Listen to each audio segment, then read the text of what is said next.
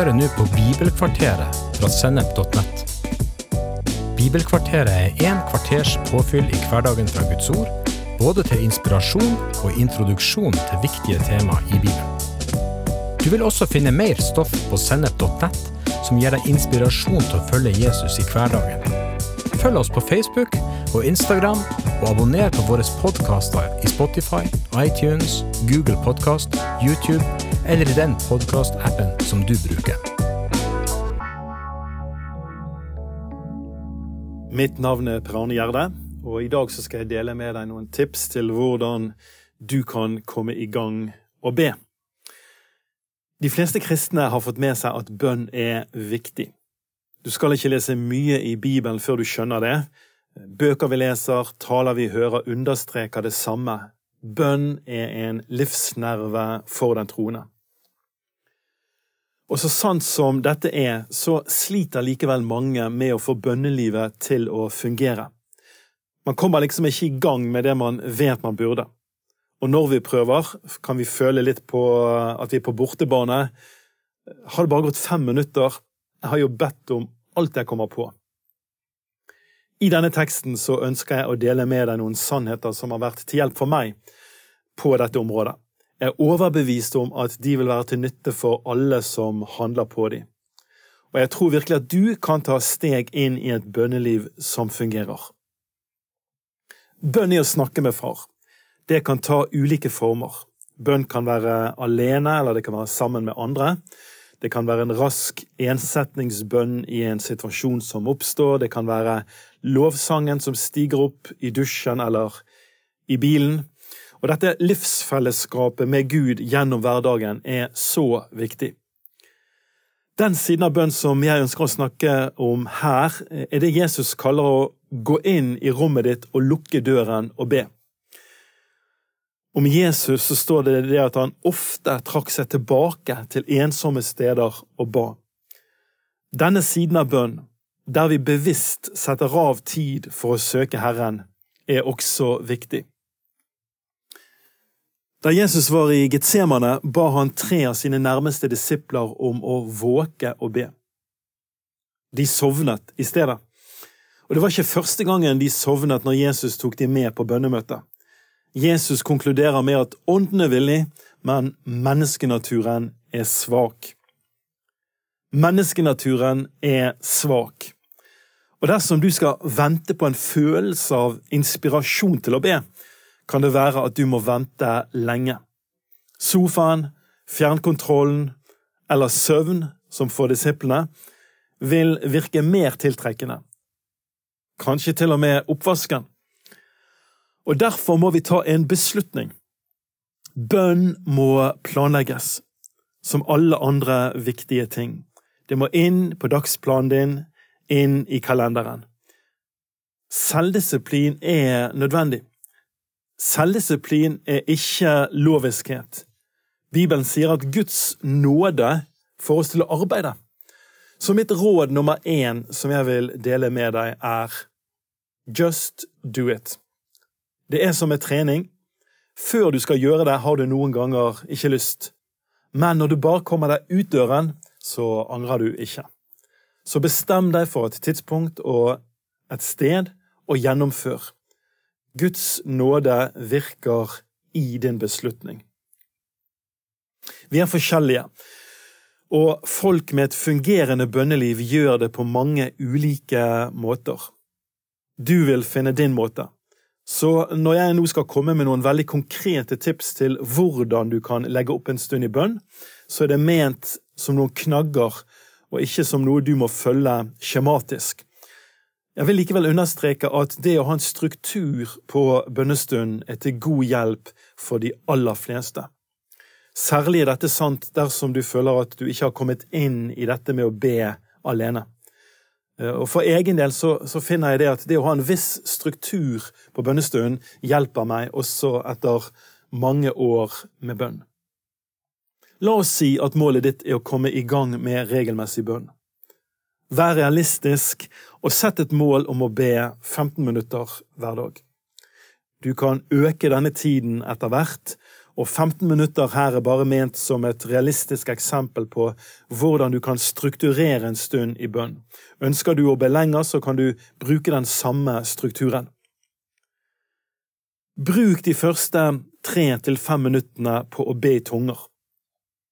Kanskje det synes lenge i starten, men bare bestem deg for å gjennomføre. På sikt så vil du kjenne velsignelsen av å gjøre dette. Første kor 14,4 sier at den som taler i tunger, oppbygger seg selv. Det er din ånd som ber, og forstanden, eller tankene dine, har ikke nytte av det. Når du taler i tunger, blir du styrket i ditt indre åndelige menneske. Og Paulus han sier at når han er alene, taler han mer i tunger enn noen. Bruk de neste fem minuttene på å gi takk til Gud. Du tenker kanskje hvordan skal jeg komme på ting å gi takk for så lenge? La meg dele med deg noe som har fungert for meg. Du kan ta utgangspunkt i Guds navn og bruke de ulike navnene som Herren gir seg selv, som knagger for takken. Salmene er full av oppfordringer som lov ham og pris hans navn. Nå, hvordan kan dette se ut i praksis? Et eksempel på hans navn er Herren vår rettferdighet. Da sier jeg ikke bare Takk, Jesus, for at du er min rettferdighet, og så er jeg ferdig. Nei, jeg tenker på hva dette navnet betyr. At jeg er gjort rettferdig fordi Jesus ble min stedfortreder på korset. Han ble knust for mine misgjerninger. Hans blod rant så jeg kunne bli frelst. Han er lammet som ble slaktet. Han ga seg selv frivillig, i kjærlighet. Han sto opp igjen, og han seiret over døden. og Derfor har jeg barnekår og er forsonet med far. Alt dette, og mer til, er tanker jeg får knyttet til at han er min rettferdighet. Og så tar jeg ganske enkelt og setter ord på alle disse tingene, og andre assosiasjoner som kommer, i en takk tilbake til ham. La meg få dele med deg noen av Guds navn. Et av de navnene Gud gir seg selv i Bibelen, er El Shaddai, som betyr all tilstrekkelig livgiver. Videre så er han Jehova Rafa, Herren vår lege. Han er Jehova Nissi, som betyr Herren vår seier. Han er Jehova Shalom, Herren vår fred. Han er Jehova Ra, Herren vår hyrde, så er han Jehova Tzedikkenu, som betyr Herren vår rettferdighet, og til sist Jehova Shamma, Herren er nær. Skriv navnene som jeg har nevnt nå, ned på en lapp, og ha de i Bibelen din. Og bruk disse som et utgangspunkt for å gi takk, slik som jeg har illustrert ovenfor.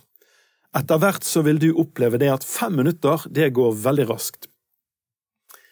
En annen ting du kan gjøre, er å bruke salmene som et utgangspunkt for å gi takk. Her finner du sannheter om Gud som du kan ta i din munn, og så kan du spinne videre på dem. Prøv for eksempel å begynne med Salme 103, vers 8-17. Nå har det allerede gått ti minutter, og nå er det på tide å, å be. Og vi skal se på hvordan du kan bruke Guds ord når du ber, og hva du kan be om. Bønn er å snakke med far. Vi snakker med ham, sier Bibelen, om alle ting. Derfor vil det alltid være et element av spontanitet, det å be ut det vi har på hjertet, når vi går inn i lønnkammeret. Dessuten vil Ånden lede oss og vise oss ting vi skal be for. Å ha denne dynamikken i bønn, det er viktig. Samtidig viser Paulus sine brev at han i stor grad ba om de samme tingene for ulike menigheter. Noen emner går igjen i de bønnene som er gjengitt i brevene hans. Han ba ikke bare ut ifra øyeblikkets inspirasjon, men òg ut ifra en forståelse av hva som er viktig. For alle kristne, til alle tider. Å ha denne type struktur i bønnelivet vil være til hjelp for de aller fleste av oss. Bønn tar utgangspunkt i Guds vilje. Bønn er ganske enkelt at vi sier la din vilje skje på jorden som i himmelen. Den viktigste måten Herren viser oss sin vilje på, er gjennom sitt ord i Bibelen. Derfor vil jeg oppfordre deg til å be med utgangspunkt i Guds ord.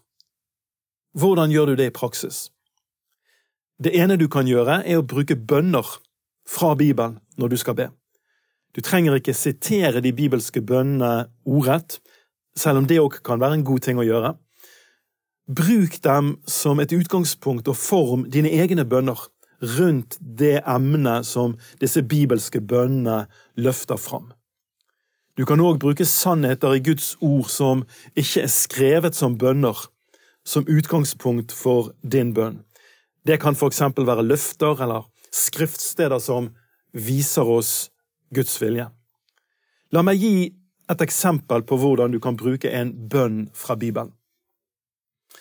I Filippabrevet 1, 9-11 så står det Og dette ber jeg om, at deres kjærlighet må bli mer og mer rik på innsikt og dømmekraft, slik at dere kan forstå og avgjøre hva som er viktig, og stå rene og uten feil på Kristi dag, fylt av rettferdsfrukt som vokser fram ved Jesus Kristus, til lov og ære for Gud.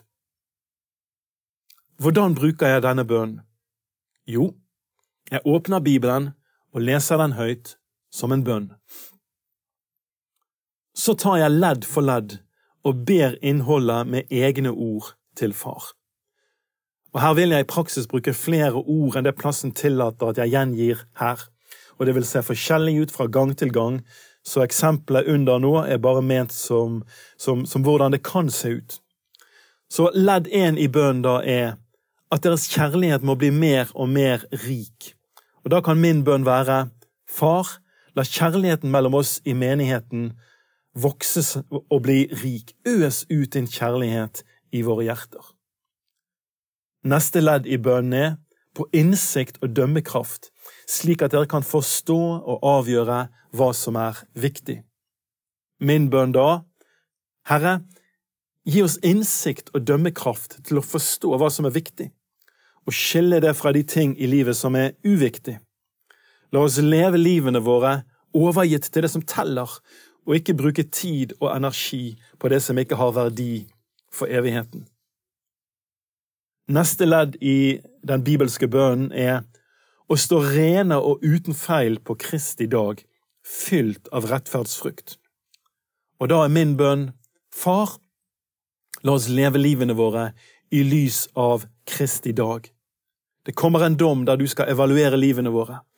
La oss stå rene den dagen og være fylt av frukt som er til ære for deg. Fyll oss, far, med Guds frykt, så vi lever med evigheten i tankene.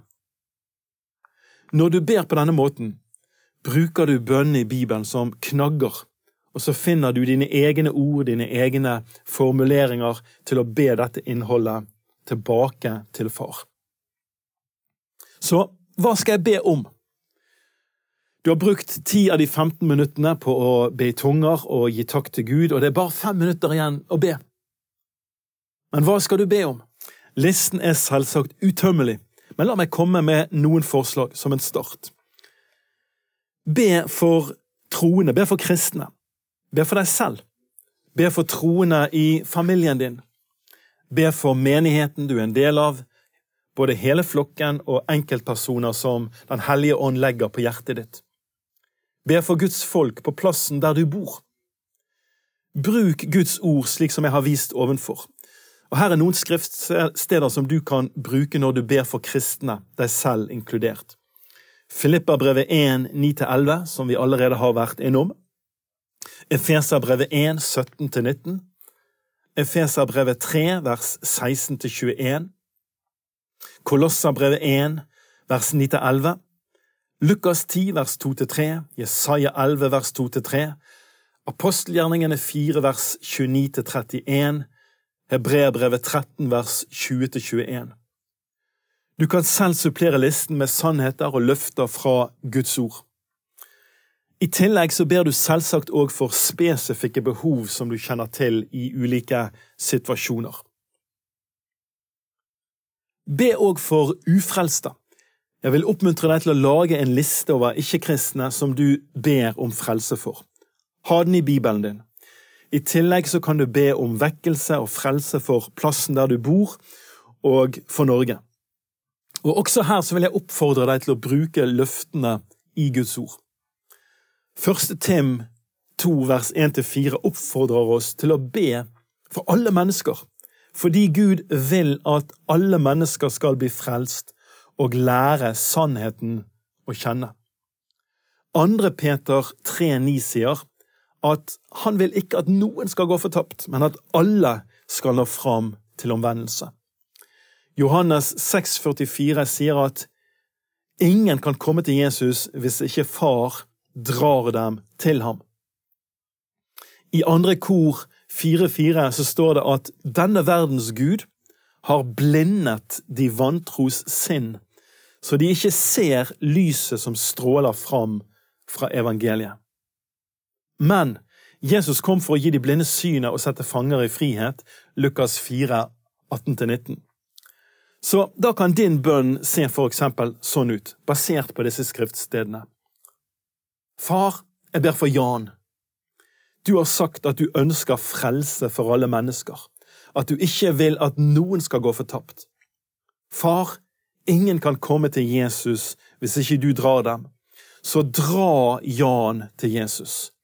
Løs han fra åndelig blindhet, og la han få se sannheten i evangeliet.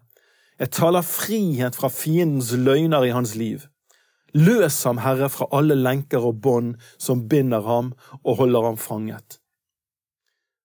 Her må du selvsagt finne din måte å formulere deg på, men det å bruke sannhetene i Guds ord som et utgangspunkt for bønn vil være til stor hjelp.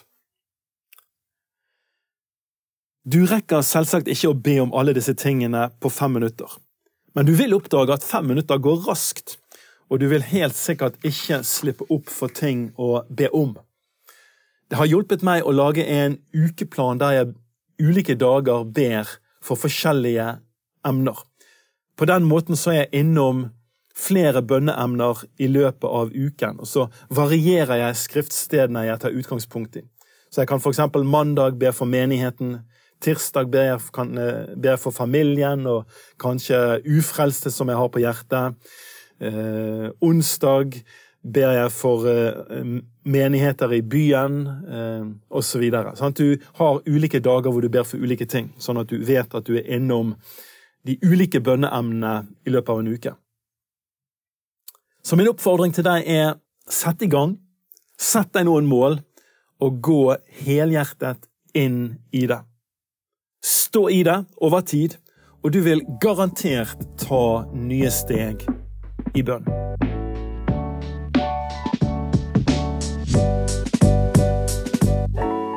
Du har hørt en episode fra Bibelkvarteret på sennep.nett.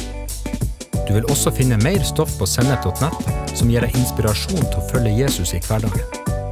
Innholdet på Sennep er gratis og tilgjengelig for alle, takket være økonomisk støtte fra kristent nettverk menigheter og enkeltpersoner. Du kan også hjelpe oss ved å be for oss at vi skal forkynne ordet med frimodighet. Ved å dele innholdet vårt med venner og bekjente. Ved å rate podkastene våre på iTunes eller i podkastappen som du bruker. Eller ved å gi en engangsgave på VIPS. VIPS nummer 54 66 68. Takk for at du lytter til sennep.no.